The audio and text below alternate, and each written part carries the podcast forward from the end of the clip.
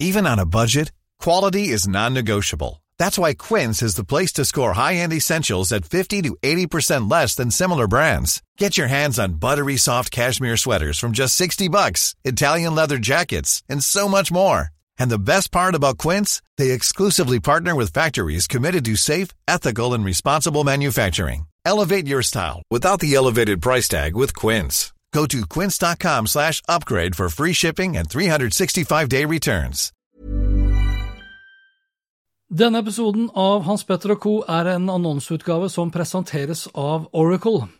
Oracle er et av verdens største IT-selskaper og ble grunnlagt så tidlig som i 1977, og da under navnet Software Development Laboratories. I 1986 så gikk Oracle på børs, og i årene som har fulgt så har Oracle bl.a. kjøpt opp selskaper som PeopleSoft, Siebel Systems og BEA Systems. Oracle er nok for mange synonymt med database, og det er kanskje ikke så rart. Selskapets viktigste produkt, Oracle Database, ble utviklet for Microsoft DOS allerede i 1984, og er fortsatt, dog ikke på MS-DOS, et av selskapets viktigste produkter. I dag tilbyr Oracle et bredt spekter av produkter og løsninger, inkludert skyløsninger.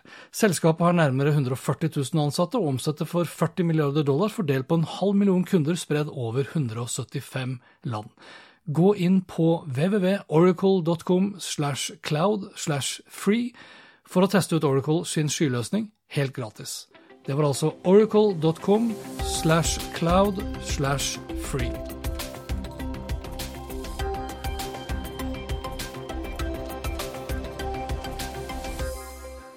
Velkommen til Hans Petter og co. Jeg heter Hans Petter, og denne episoden ble spilt inn mandag 15. juni. Lenker til alt jeg har snakket om, og øvrige innslag finner du som alltid på hanspetter.info. Samfunnet i dag digitaliseres i et rasende tempo. Gjesten min denne gangen mener det er flere måter å bli digitalisert på. Enten så flikker man på det man har, eller så flytter man det man hadde, over til skyen. Bjarte Drivenes har lang fartstid i norsk IT-bransje, hvor han har tilbrakt de siste 29 år og 11 måneder hos Oracle.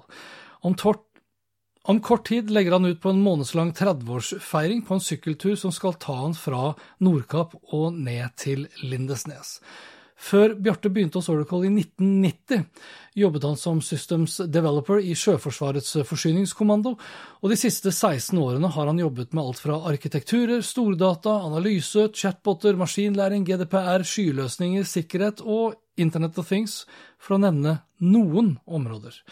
Jeg møtte Bjarte hjemme hos han en varm junidag for å snakke litt om tiden hos Oracle, hva Oracle var, hva Oracle er, og hva Oracle vil bli, og om hva som må til for å lykkes med digitalisering, om hvorfor det er så viktig å flytte seg til skyen, og hva han tenker om de stadige endringene som følger den teknologiske utviklingen, og om hvorfor han valgte å feire 30 år hos Oracle med å sitte på et sykkelsete i 30 dager.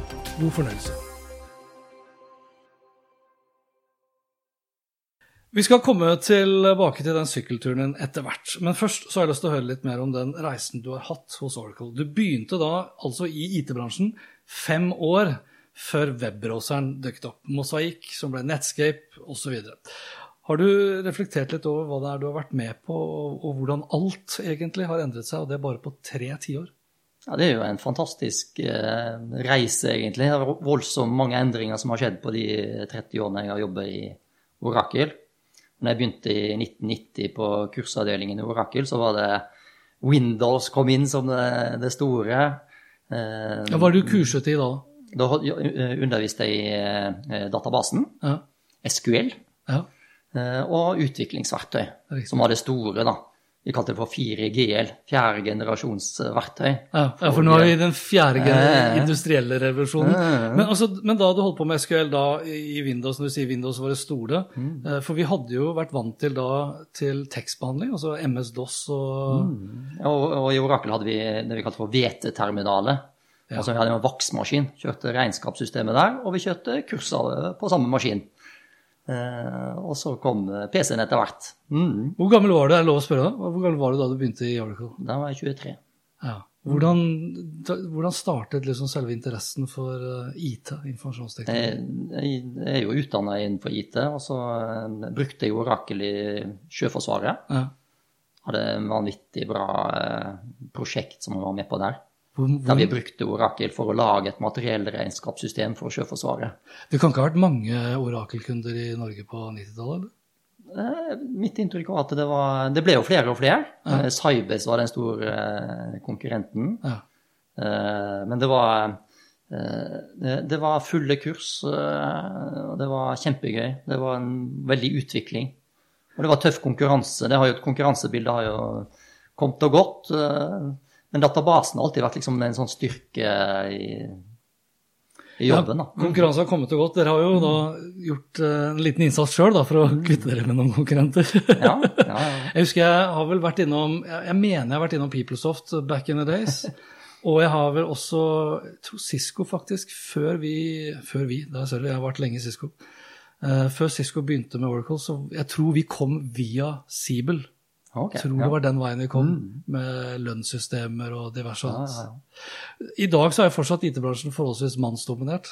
Det var vel ikke noe mindre mannsdominert på 90-tallet? Ja, på, på kursavdelingen hadde vi et par uh, gode damer som eh, eh, underviste. Ja. Så ja, så uh, eh, Og det er litt Ja, det var litt De samler seg i noen uh, type områder, da. eh, innenfor IT. Ja. Mm. Men det er for få kvinner fortsatt. Det Altså. er altfor få. Mm.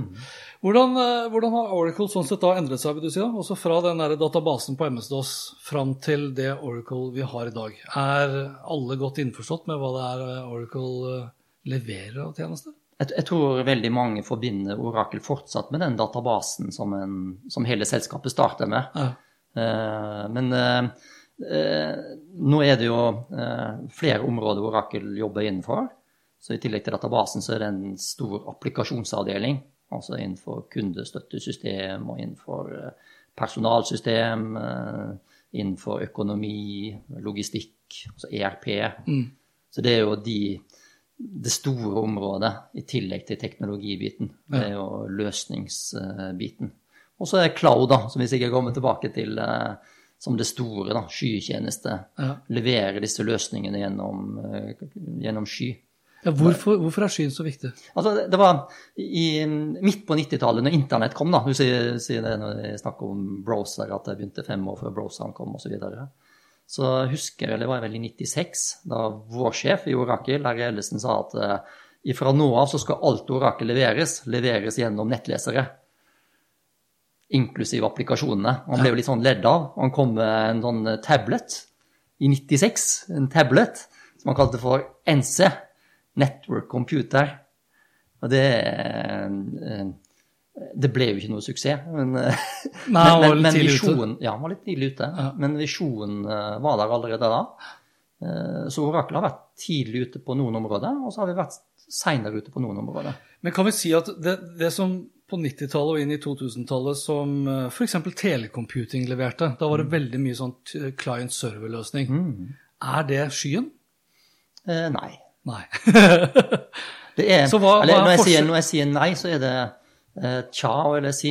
Ja. Jeg driver veldig mye med å hjelpe kundene til å eh, bli mer fleksible og kosteffektive og, og sånne ting. Og, og deriblant er kanskje en av eh, midlene er å flytte da, det gamle de har, over til sky, Ja. for å kutte kost og for å få tilgang på nye tjenester osv. Og, så og da er det også en del Windows-klient-tjenerløsninger som fortsatt går, Mm. og som er med i dette bildet.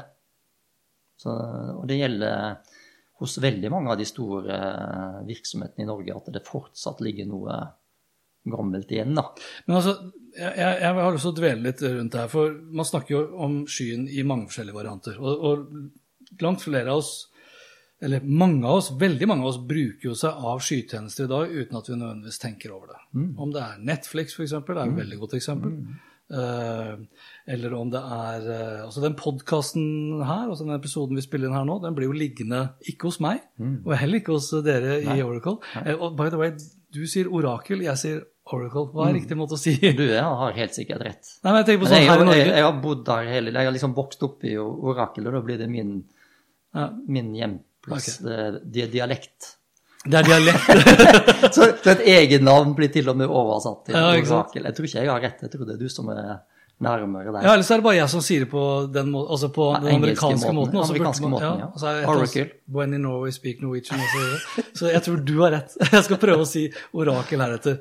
Men tilbake igjen til det her med, med sky. Uh, og om det da er client-server som er noe Altså det handler jo egentlig om å flytte dataene vekk fra deg sjøl, er det ikke det? Mm. Og så har du hybrid osv. Er hybrid bare en mellomvei? Sånn som du kjøper hybridbiler nå i dag, som jeg syns er tull, for å være helt ærlig. For da har du plutselig en bil med to motorer og veldig mye mer som kan gå galt. Bør du liksom, Hva, hva er- veien til en vellykket sky... Si, skyintegrasjon? For du, Altså- du kommer dit uansett. Ja, det, det, det er ikke alle som har, eh, liksom kan bare knipse, og så er du over i, i den nye verden. Eh, Mange må kjøre en- Alle kjører et eller annet i sky, sånn som du sier. altså Det kommer naturlig. Ja, Eh, Office-pakker eller hva som helst. Det kommer i sky. Men noen blir sittende av ulike grunner med ting eh, on-prem.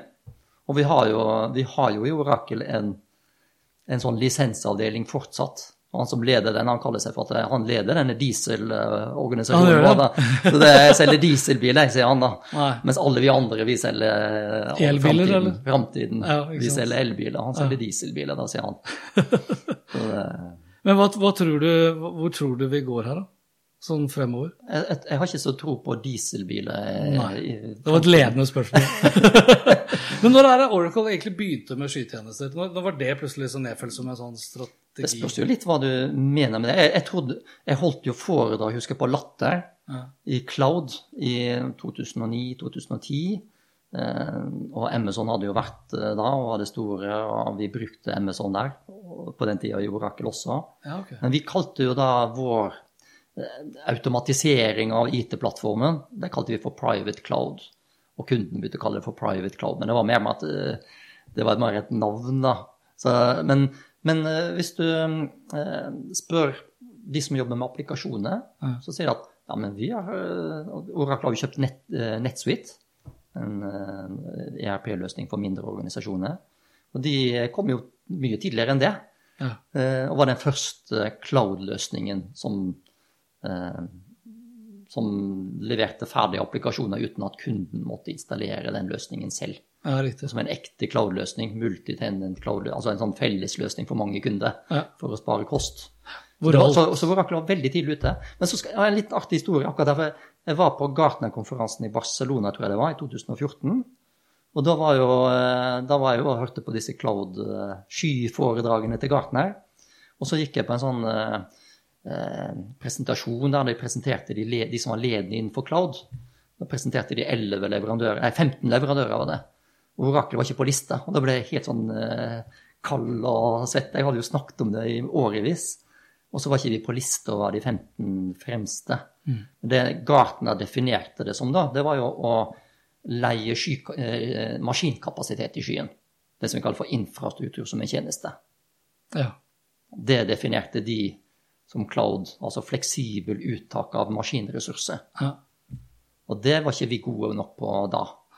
Ja, for nå er det vel egentlig everything as a service, og Ja. alt sammen levert eh, fra et eller annet sted i verden.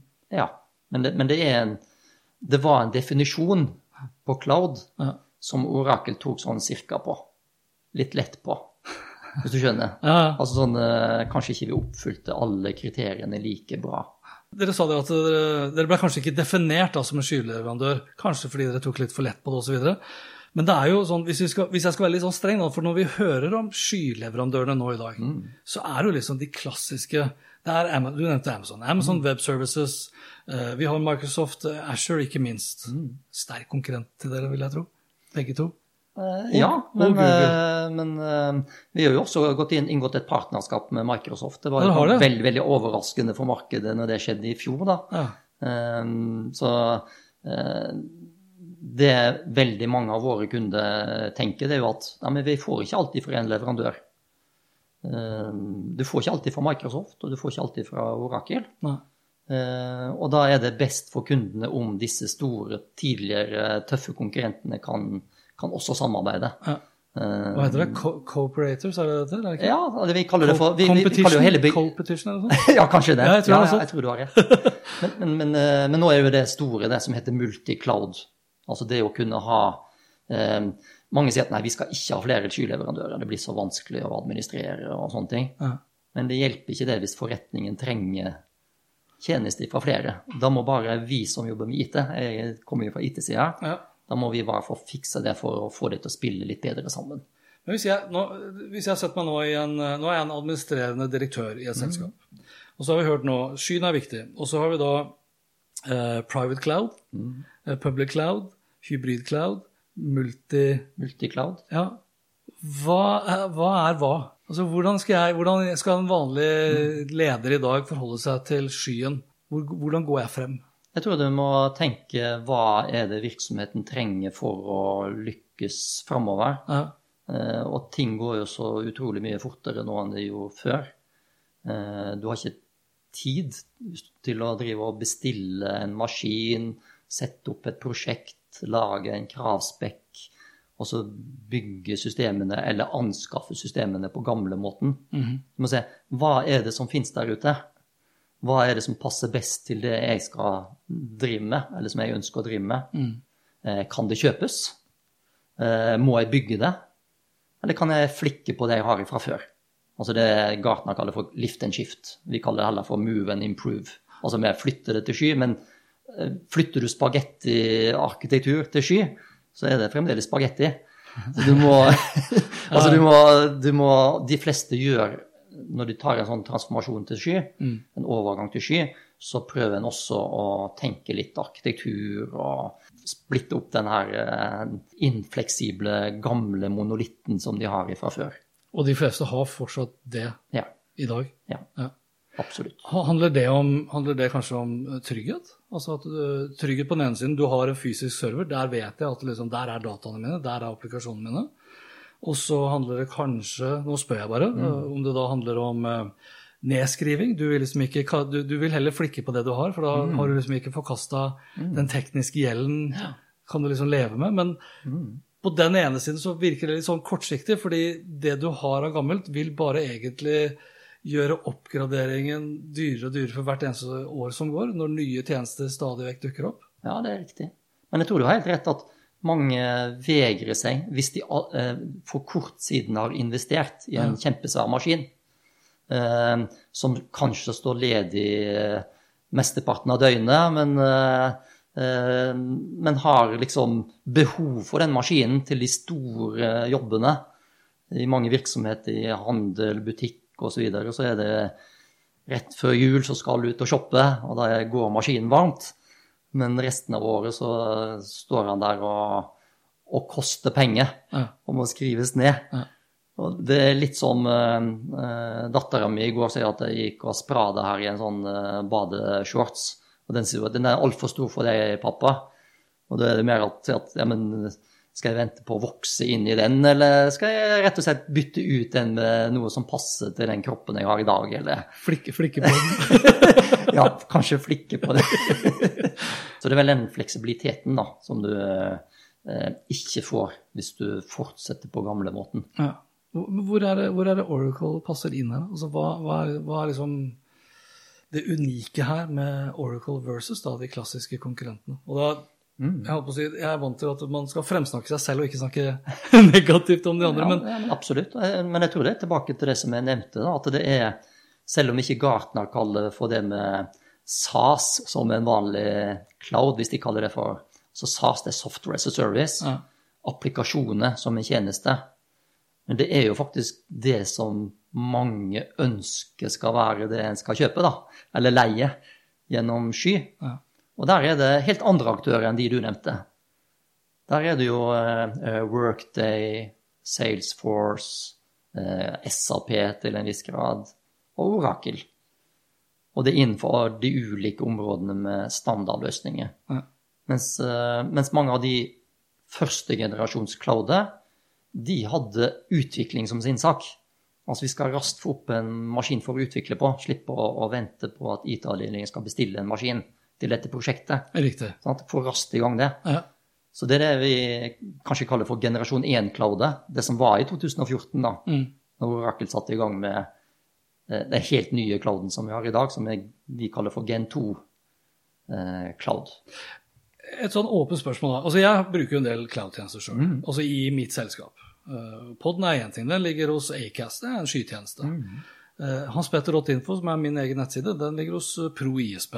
Fordi de leverte da et webhotell. Det er en skytjeneste. Kunne jeg, kunne jeg liksom i praksis flyttet min Wordpress-site over til Oracle? Absolutt. Et ferdig image for det. Så ja. det, altså, du, det er bare å spinne opp, så har du det. Ja og du betaler next to nothing. Jeg vil tippe at det er eh, det er kanskje også mulig å kjøre en sånn eh, gratis eh, versjon, eller prøve det ut gratis.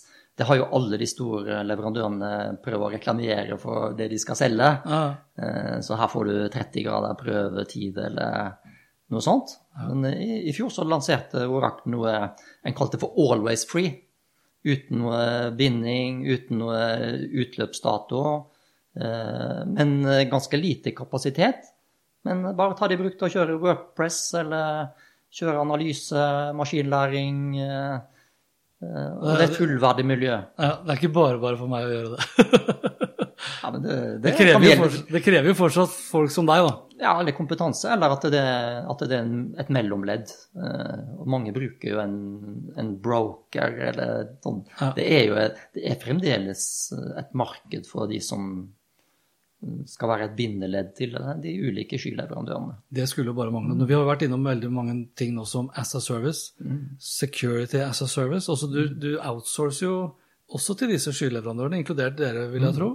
Eh, et tillitsforhold til at dere kan ta vare på liksom sikkerheten. Ja. At den er intakt. Mm. For det er jo det er ikke så jeg legger skjul på, altså Du har vært med i 30 år nå i mm. Oracle-gamet. Det har skjedd fantastiske mye mm. kule ting i løpet av de 30 årene, men vi ser jo også en sånn darker side. Ja, eller, eller, eller vil si at det er en del ting som ikke har forandret seg på 30 år. Hvis vi går tilbake til starten. Og det er eh, eh, Hvis du tenker på Orakel, det vi solgte på før, ja. det var eh, skalerbarhet. Og vi trodde at det var, jeg trodde det var en selvfølge. Jeg var litt sånn ny, 22-23 år. altså var det Eh, men det var å, eh, at ikke det var en flaskehals hvis det kom mange og skulle oppdatere samme ordre samtidig eller kundedata samtidig. Men da lærte jeg et begrep som heter deadlock. Det var, ok, det slet konkurrentene med. Mens vi hadde, ikke, hadde aldri deadlock. Så radlåsing, sånn databasespesielle ting, mm. tekniske ting, det gjelder fortsatt. Og det gjelder mer eh, med skytjeneste. Så det er skalerbarhet. Altså det må bare kunne vokse Eh, opp og ned, være fleksibelt. Ja. Også, på, også, på, kundedata, økonomidata, de mer kjedelige tingene som der dataene ikke kan være sånn cirka riktig. Altså med Twitter, om du legger ut en Twitter-melding, eh, og den ikke blir synlig i Europa eller i USA før om en dag eller en halv dag, det er ikke så nøye, liksom. Men regnskapsdata må være riktig nå. Ikke om en stund. Så det er, database, det, er databaseverdi. Derfor, derfor, betaler kunden for sånne ting ennå. Men det skalerer. Det andre er sikkerhet. Vi snakket jo om det på 90-tallet. Alle de tingene Du må ikke putte kontrollene inn i løsningen. Legg det ned der dataene er. Sikre dataene. Mm. Slik at du slipper å ha det ansvaret, du som bygger løsningene. Og litt det samme er det med sky i dag, 30 år senere. Ja. For da sier du at Istedenfor at uh, Bjarte som databaseansvarlig har ansvaret på å slå på alle sikkerhetsknappene uh, og sitte med det ansvaret, så, så, kan du si at ja, men flytter du til sky, så er det Orakels ansvar. Ja. Og det er kanskje en stor leverandør som Orakel eller Amazon eller Microsoft eller Google, alle de store, kanskje de har større midler da, til å sikre dataene dine enn det du Eh, selv kan klare. Mm. Da blir det på en måte å konkurrere med disse her eh, store som har Det er helt, det er helt eh, make or break at kundens data er sikre. Jeg husker bare som en liten digresjon, og da er vi tilbake på 90-tallet, hvor når vi begynte å koble oss på internett, ja. så var det vel Jeg tror Stortinget hadde én datamaskin kobla til internett, og den var liksom på et sånn eget rom. De turte, rett og slett, de turte ikke å koble opp de andre maskinene. Det spiller, altså det, det, det, vi har jo gått gjennom en digitaliseringsreise, det er egentlig poenget mitt. Og vi er jo ikke helt ferdig med den digitaliseringsreisen. Det jeg syns er litt sånn Det, det jeg er litt rart noen ganger, det er litt, veldig mye Dere er jo et amerikansk selskap, jeg har jobbet for et amerikansk selskap. Vi har i dag øh, alle sammen forhold til flere amerikanske selskaper her i Norge. Øh, Og det fins jo ikke så veldig mange andre land som har digitalisert seg så mye som det Norge faktisk har. Til tross for at teknologien kommer fra, fra USA. Jeg syns det er litt rart da, eh, at ikke amerikanerne, som de ville ha sagt, spiser sin egen dogfood på samme måte. Eh, Hva, hva, tenker liksom Oracle om, hva tenker Oracle Corporate om hvordan tingene er her i Norge, f.eks.? Eller gjør de kanskje ikke det? Jo, jeg, jeg, har, jeg har jo jobba jobba på konferanser i USA tidligere. Ja. Altså på Oracle Open World og stått på stand osv. Det er ikke så veldig mange år siden vi skulle Den demoen vi skulle kjøre på stand, det var en slags amerikansk versjon av VIPS som noe nytt. da. Mm. Og så sier jeg ja, men det har vi hatt uh, i Norge. Vi har det jo sånn, vi. Ja. Det er jo sånn her. Eller på 90, slutten av 90-tallet vi hadde et aksjesparingsprogram i Orakel. Og det var mye raskere og billigere å få det som sjekk enn som wire. så, Og sjekken lever i sin beste velgående ennå? riktig. Men, men jeg tror kanskje på noen områder så går de forbi oss. Altså. Ja, ok. Så forskning, eh, utvikling, altså dette koronapandemien som vi er inne i nå, Ja. så skjer det jo til tross for han som sitter der borte på topp. Så ned i organisasjoner der, det er jo helsevesenet privatisert. og Det er en stor kamp uh, om å, å finne liksom, løsningen på gåten. Mm. Så både i USA og ellers i verden så er det uh, Og der kommer jo skyen, da. Istedenfor at eh, forskerne får kjøpt den svære maskinen de trenger for regnekraften sin, så leier de det etter behov. Ja. Og det er litt sånn Skal være litt sånn alvorlig, da, så er det på en måte litt sånn det Hvis jeg tenker Margrethe, dattera mi igjen, så vil hun si at du må ha en purpose. Eller, at du må Et formål. Ja, et formål. Ja. At det må Det må eh, Det må være noe mer enn at det er eh, At vi er langt framme på eh, unødvendige ting. Ja. Men, Ja, altså det er jo ikke Det er jo sånn som bedrifter, og for så vidt privatpersoner, det er jo sjelden at vi kjøper et produkt bare for produktets skyld. Mm. Det skal jo tjene til et eller annet. da. Det skal enten gjøre at vi sover bedre om natten fordi at vi, vi vet at liksom, Oracle tar godt vare på dataene våre, det er trygt osv. Eller at vi bare føler oss bedre. Derfor Mm. liksom er det noen som velger å kjøpe den telefonen versus den andre telefonen. Ja. Det har veldig mye med følelser å gjøre. Ja. Og følelser har en tendens til å etablere noe tillit etc. Ja. Og det vil jeg vel tro at eh, dere også i, i Oracle er, er, er opptatt av. Det er bare som en sånn, igjen en liten digresjon. Det er Oracle som står bak Java, ikke sant? ja, altså eh, Tilbake til 90-tallet. Ja. så sa jo, og, og 2000-tallet også, så sa jo, sa jo Oracle at eh, Eller Larry da, sa at um, we, we write software, we don't write checks. Altså, men vent, det var jo denne oppkjøpskonsolideringen begynte i bransjen. Ja. Microsoft gikk og kjøpte masse selskap, og alle ønsket å bli kjøpt av Microsoft og IBM og disse store. Og så sa Oracle at nei, men vi, vi har vår egen IP. Og så skjedde jo den store endringen på 2000-tallet og utover, der vi bl.a. kjøpte Sun. Ja. Eh, Både maskinene, hardware, og Java. Sønn glemte jeg jo. Mm. Det er jo der Facebook har sine kontorer nå i dag. I de samme lokalene. Yes. Mm. De snudde, de snudde, altså det er egentlig litt morsomt, for de snudde skiltet til Sun. Eh, Så, så bak Facebook-skiltet så, så er gamle Sun-skiltet. Og det gjorde de av en strategisk årsak, og det var at eh, Mark Zuckerberg ville innlemme overfor alle ansatte at man må ikke glemme å hele tiden liksom reinvente seg selv og hele tiden ligge foran. eh, I fare for hva som kan skje hvis du ikke gjør det. Men det er med Sun, selvfølgelig, som vi fikk Java.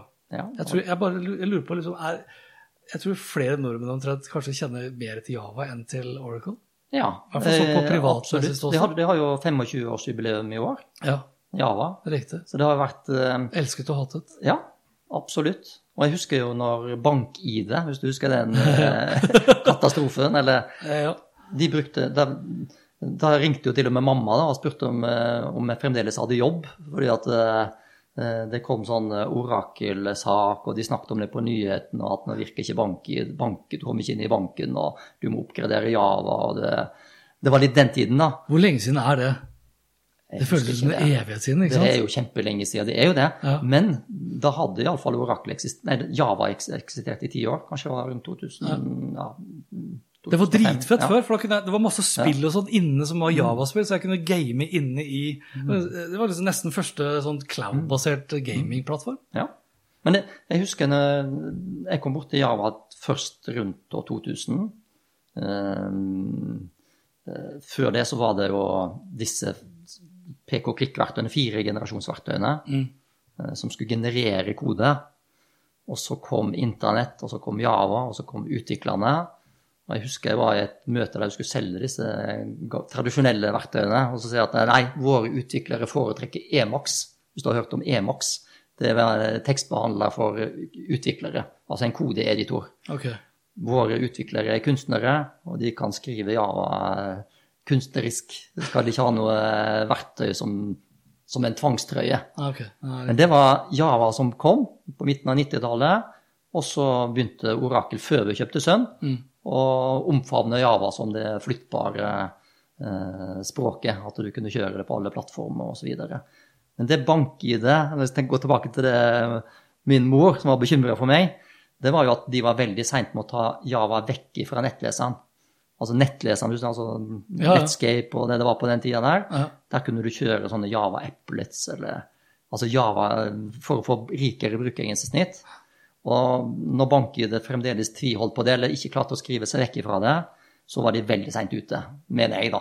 Litt personlig. Men Jeg tror eh, min bank var også den aller siste, altså aller tregeste. mm, for så vidt en veldig stor bank, uten at jeg behøver å si navnet, navnet på den her. ja, men det, det, det, nå kommer alt tilbake. Så det er mange ting, mange sånne, sånne valg som bransjen har vært inne på. da. Altså sånn eh, DNB skulle satse på nettbank skrevet i Java. Men det, det, Det var skulle det jeg tenkte på. Så Det nå helt katastrofe. ja. Og så hadde vi, husker vi hadde aksjehandel på nett, Nordea som kunde, der alt ble generert fra disse Case 4G-verktøyene. Eh, og det var en kjempesuksess. Så, så, og det var igjen databasen. Eh, det må virke når masse av dette internettbrukerne kom inn. Eh, vi kalte det ikke for clouda, men det var iallfall gjennom nettleser og til hele Norges befolkning. Kunne kjøpe aksjer på nett. Det som er, det Mm. som er fordelen, føler jeg, med at, vi, at man har vært med noen år, Ja. det er at man skjønner hvor komplekst ting egentlig er. Mm. Og, og når du skjønner hvor komplekst ting er, så lærer du deg å sette pris på at det faktisk fungerer så bra som det gjør. Det er et poeng. Mm. Ja. De unge som er født og oppvokst nærmest eh, inn i liksom denne tidsalderen, de, eh, de lar seg vel egentlig aldri imponere. Jeg er helt enig. Og det, og det setter et enormt press på de som da skal lage nye tjenester. For den må bare fungere så vanvittig bra fra det liksom, du har lastet den ned fordi kanskje noen har skrytt av den og syns det her er bra osv. Hvis det da er nedetid, det er, liksom, det er no go. Hva, hva, og nå som du har vært med i, i 30 år, hvis du skal våge å spå Det har jo aldri vært vanskelig å spå enn det er nå. Eh, og du skal få lov til å velge om du skal spå om hvordan ting er i løpet av de neste tre årene eller de neste 30 årene. Hva, hva tror du liksom fly, Alt fra flyvende biler til eh, Oracle er verdens største skyleverandør. Du kan velge. Hva tror du om fremtiden? Jeg tror Oracle er verdens største skyleverandør. det er mye enklere å svare det. Ja, det er det jo. Men det er iallfall et mål om at vi skal konkurrere med de andre store. Vi skal gå sammen i partnerskap der det er naturlig, og der det nytter begge parter. Mm. Men eh, en går veldig sånn amerikansk og aggressivt ut til verks nå og sier at nå vi er myggen, eh, vi er underdogen på infrastruktur som en tjeneste Ja. for utviklerne.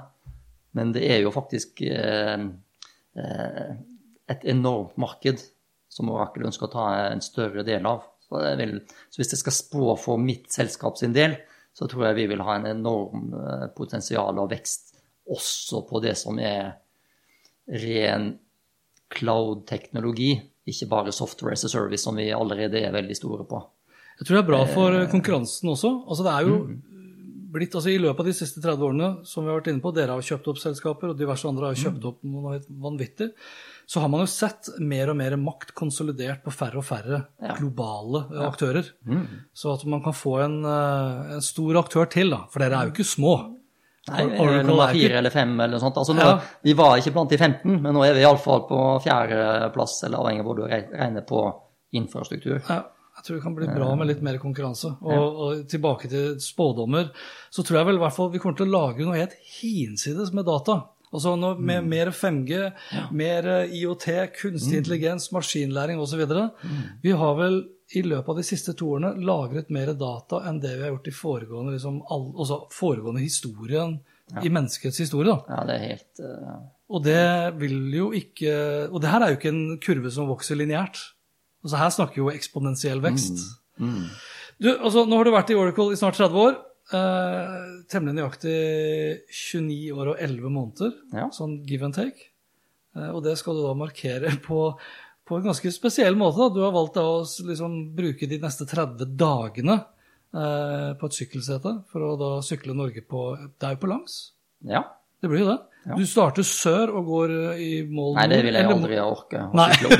Nei, Du veit at ikke det er oppover? i byen. Å, det er ikke det. Det ser mye tyngre ut, da. Ok, Så du begynner Nordkapp Ja, jeg har enveisbillett til Honningsvåg 28, 27. juni. Juni. Mm, og så begynner jeg å sykle 28. juni. Og da skal du ende opp i Lindesnes. Ja, det er om 30 dager Ja, cirka etterpå. for du har, du har jo bortimot 30 dager, fordi det er jo ikke bare 30-årsjubileum for Oracle-jobben, det er vel et eller annet på privaten også? Ikke? Ja, jeg må være hjemme før 28. juli. Ja, Da er det, da er det bryllupsdag. Da er det 30-års bryllupsdag. Så det er fantastisk. Det som er litt spesielt, det er at når jeg ser på deg, eh, og, vi snakket jo før, før vi møttes her også, så som da liksom en, du er en vaskeekte tekniker, men du ser ikke ut som den stereotypiske teknikeren. For han ville ikke valgt Jeg sier han, for er, de fleste teknikere er menn, dessverre, enn så lenge. Men han ville ikke valgt øh, Han ville ikke valgt et sykkelsete. For jeg tror ikke du sitter veldig mye på ræva og drikker cola og spiser pizza, hvis vi skal fullføre den stereotypen. Nei da, Hva altså, fikk deg liksom til å gå for det Jeg løpet der? Jeg liker fysisk slit. Okay. ok. Å bli sliten fysisk. Det syns jeg er veldig avkoblende. Det høres litt selvmotstigende selvmotsigende ut, men eh, altså, form for jobben, er veldig, ja, jobben er veldig eh, krevende mentalt. Ja. Altså, det, det er alltid noe nytt og en må lære seg. Altså alltid nye alle, Vi har jo snakket om det allerede, alle disse overgangene. Eh, det er eh, tøft å henge med. Mm. Eh, Er det tøffere nå enn det var før? ja, utvikling går raskere og raskere. Ja. Jeg har valgt en karrierevei som er eh, teknolog, eller fag. Ikke bare teknologi, men jeg ønsker å eh, forklare verdien av teknologi Ja. til de som trenger det for løsningene sine. Altså, du har jo valgt deg en bransje hvor begrepet livslang læring eh, kanskje lever i ja, det, eh, Vi vet jo at det lever i aller beste velgående, men kanskje mest av alt egentlig innenfor din bransje. Ja, jeg tror det. Det er jo helt nødvendig. Du kan ikke Hvis ikke du orker det, Ja. så må du bli sjef, eller noe annet.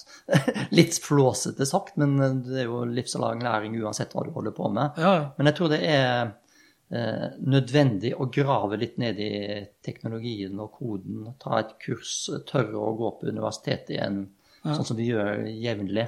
Jeg husker jeg tok en sertifisering eh, når jeg var sånn midt i 40-årene. Og så har jeg en sønn som også driver med data, da. Andreas han sier at det er så bra, er så ve- veldig bra at sånne gamle folk også kan lære noe nytt. Og det syns jeg var veldig ung, da. Ja, ja. Var, men er du midt i 40-årene, så er du haugammel, egentlig, når du snakker om eh, med utviklere. Ja, ok. Eller noen utviklere. Jeg tror jo jeg tror, altså, Ja, du kan jo være veldig ung utvikler og ha enorm kompetanse. Eh, Men når du, er, når du har holdt på i 30 år, eh, og vi vet at det finnes ufattelig mengder med legacy-systemer rundt omkring i Norge, så er det en eh, erfaring og en kompetanse som jeg tror faktisk blir dyrere og dyrere, for å være helt ærlig. Ja, jeg tror det. Er en riktig plass å være. Ja, jeg tror det, for det er nok, som vi var inne på innledningsvis òg, veldig mange som vil fortsette å flikke med veldig mye i mange år fremover. Det er rimelig mange mennesker rundt omkring i verden som er avhengig av, eller selskaper som er avhengig av ko- Kobol-kompetanse, f.eks. Ja. Og da snakker vi jo liksom 50-tallet. Men jeg har lyst til å gå tilbake litt til den sykkelturen din. fordi Ja. du sa det at eh, du liker, du liker liksom smerte på den måten der. Er, blir det en veldig analog opplevelse? Altså, er det ja, sånn måte det er faktisk det. Jeg, eh, jeg jeg har, det er jo på en måte en slags premie til meg selv eh, å få lov å, å logge av litt eh, etter å ha vært pålogga i 30 år, nesten. ja. Eh, og da er det egentlig litt deilig å ikke ha et krav om at du skal produsere. Altså på jobben sagt du må lage blogg, sier Harald Løvik, og du må, hvordan skal vi følge deg, og sånne ting. Så jeg kommer helt sikkert til å legge ut, og jeg kommer til å bruke tid på mobilen hver kveld i teltet og, og sånt, men det er ikke, Men ikke, målet, ikke egentlig. noe pulsklokke, ikke noe GPS, ikke noe sånt, eller? Jo, jo. jo. Ja, ja, så det, Så det blir litt teknologi, og det blir litt, eh, sikkert litt eh, blogging og litt forskjellig, men det er, målet egentlig å komme seg litt vekk fra det mentale livet. Da. Altså det blir veldig sånn basalt. Jeg må passe på at jeg har klær eh, som er tørre til hver tid jeg skal legge meg. Jeg må få nok mat og drikke. Jeg må ikke sykle for fort opp den bakken, for da går det utover neste dag. Sykler du da med vogn, gjør du det? Nei, jeg har en veldig sånn lettvekts eh, setup. Ja, men hvor skal du sove? Jeg skal sove, i, jeg skal sove på hotell og i Ja, campinghytte campinghytte og i telt. Ja. Så er det bra vær sånn som det er nå, så sover jeg i telt. Det syns jeg blir veldig bra. Men jeg har brukt eh, halvannet år nå på å kjøpe sånn lettvektsutstyr. og Ah, okay. det, det er jo halve gøyen, da, å forberede turen. Ja, ja. Uansett hva som skjer nå, så blir det en suksess. For nå har jeg liksom eh, ja, du har brukt halvannet år, da har du jo gode forutsetninger, da. Ja. Jeg hadde en, eh, en teltopplevelse som jeg kalte da, jeg la den ut på YouTube, jeg kalte det for 'Lykke er lik virkelighet minus forventninger'. Og jeg hadde bygd opp enorme forventninger for denne første teltturen aleine ever. eh, og var jo ikke godt forberedt. Men har du brukt halvannet år, så ja, jeg har byttet ut et liggeunderlag som ble underkjent. Det var lett nok, men det var ikke varmt nok. Nei, ikke Eh. Litt sånn, altså Jeg har gått litt opp i pris på noen ting. Jeg har eh, blitt litt mindre ekstrem på vekt, så jeg vil ha litt mer komfort. Eh, Men ikke sånn at jeg har tralle bak, eller si, ikke sideveske. Så, så foreløpig så er det sånn på Jeg kommer til å ha bagasje på under 10 kilo. Totalt. Og Oi, det er maks med sykkel og mat og drikke og klær og telt og sovepose og liggeunderlag. Ikke og så er det- solcellepanel, ikke så powerbanks. er det, jo, jo, jo, men det er inne på det. Ja, ok, det er inne på det. Stor eh, powerbank, den største du har lov å ta med på fly, den eh, skal jeg ha Da. 20 000 Ja, 20 eller 000, noe et eller annet. Ja. Ja, du trenger jo det. Også, du trenger jo å dokumentere det her, ikke bare for din egen skyld, for det tror jeg du kommer til å liksom Det her er jo en livsopplevelse. Ja, bildene får jeg jo i hodet. eh, Altså sånn Det sitter dårligere, vet du, for oss oppi året. Jeg kommer til å dokumentere det med nok. Og, det, og hver dag så blir Strava oppdatert automagisk eh, fra klokka. Ja. da, Men du har ikke lagt opp til en enorm sånn eh, Hva heter det? Oracle.com slash cloud slash free for å laste opp all mulig data? nei. Nei, ok. nei. Det tar du seinere. Har, jeg, jeg holdt på med det også, Altså, jeg har brukt uh, fritida mi for å lære ny teknologi, f.eks. før, ofte. Uh, f.eks. når internett kom, så var det egen nettside, og jeg måtte ha noe data for å analysere på. Jeg skulle ha dynamisk oppdatering, og du skulle kunne abonnere på endring og sånne ting. Når er du hadde første nettside? Det var eh, det, husker 95, da, eller når liksom Nei, det var ikke så tidlig, men jeg husker at det var, det var Nettavisen som Jeg liker ikke så godt Nettavisen nå innholdsmessig, men da så var Nettavisen den første, den beste på publisering bare på internett. Ja. Eh, og jeg stjal en del kode derifra. Det var jo Orakel som bygde det nettstedet teknisk. nice. Og så tok jeg og og så tok jeg, ja, men denne koden, nå er det jo håpløst. Nå kan du ikke bare ta view source, og Nei. men da kunne du det. Ja. Og så eh, fikk jeg litt tips fra han utvikleren i Orakel som sto bak. Blogg, så jeg fikk litt hjelp fra han, og så lærte vi litt der, og så lærte vi litt her, og så hadde jeg litt Java, hadde en Java-eplet for å tegne litt spill og litt sånn. Abonnere, hadde litt sånn dynamiske ting på den siden. Men jeg måtte ha noe data der. Mm.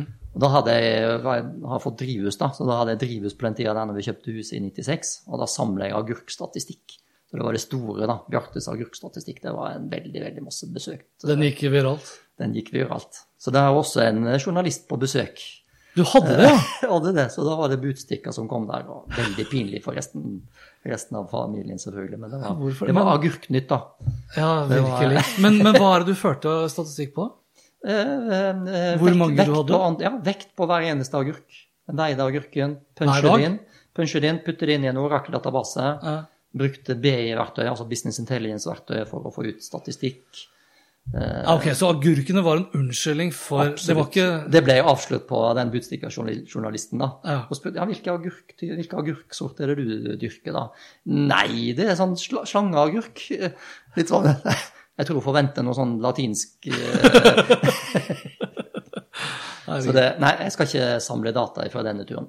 Så ikke til en sånn analysesak. Men jeg, jeg bruker Orakel-databasen fortsatt til noen eh, statistikkting som er for å lære meg nye, nye ting. Så livslang læring gjennom eh, agurker også. Ja. Denne episoden av Hans Petter og co. er en annonseutgave som presenteres av Oracle. Og dette var det for denne gang. Lenker til alt jeg har snakket om og øvrige innslag det finner du som alltid på hanspetter.info. Likte du det du hørte og vil forsikre deg om at du får med deg de neste episodene, da kan du bl.a. abonnere på Hans Petter og Co. på Apple Podcaster.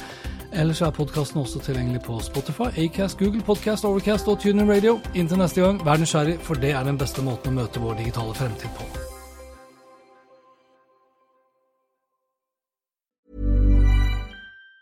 Even on a budget, quality is non-negotiable. That's why Quince is the place to score high-end essentials at 50 to 80% less than similar brands. Get your hands on buttery soft cashmere sweaters from just 60 bucks, Italian leather jackets, and so much more. And the best part about Quince, they exclusively partner with factories committed to safe, ethical, and responsible manufacturing. Elevate your style without the elevated price tag with Quince. Go to quince.com slash upgrade for free shipping and 365-day returns. Hiring for your small business? If you're not looking for professionals on LinkedIn, you're looking in the wrong place. That's like looking for your car keys in a fish tank.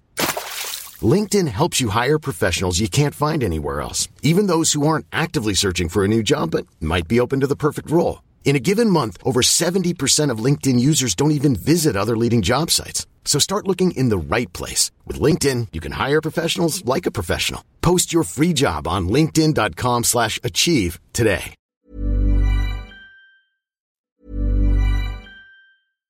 My business used to be weighed down by the complexities of in-person payments. Then, Tap to Pay on iPhone and Stripe came along and changed everything. With Tap to Pay on iPhone and Stripe, I streamlined my payment process effortlessly. Now I can accept in person, contactless payments right from my iPhone. No extra hardware required. What's truly remarkable is how I can cater to all of my customers' payment preferences. Whether they're using cards, Apple Pay, or other digital wallets, Tap to Pay on iPhone and Stripe ensure a smooth checkout experience every time. And it's not just me. Stripe helps businesses of all sizes, from local markets to global retailers, scale quickly and stay agile. To learn how Tap to Pay on iPhone and Stripe can help grow your revenue and reach, visit stripe.com slash tap iPhone.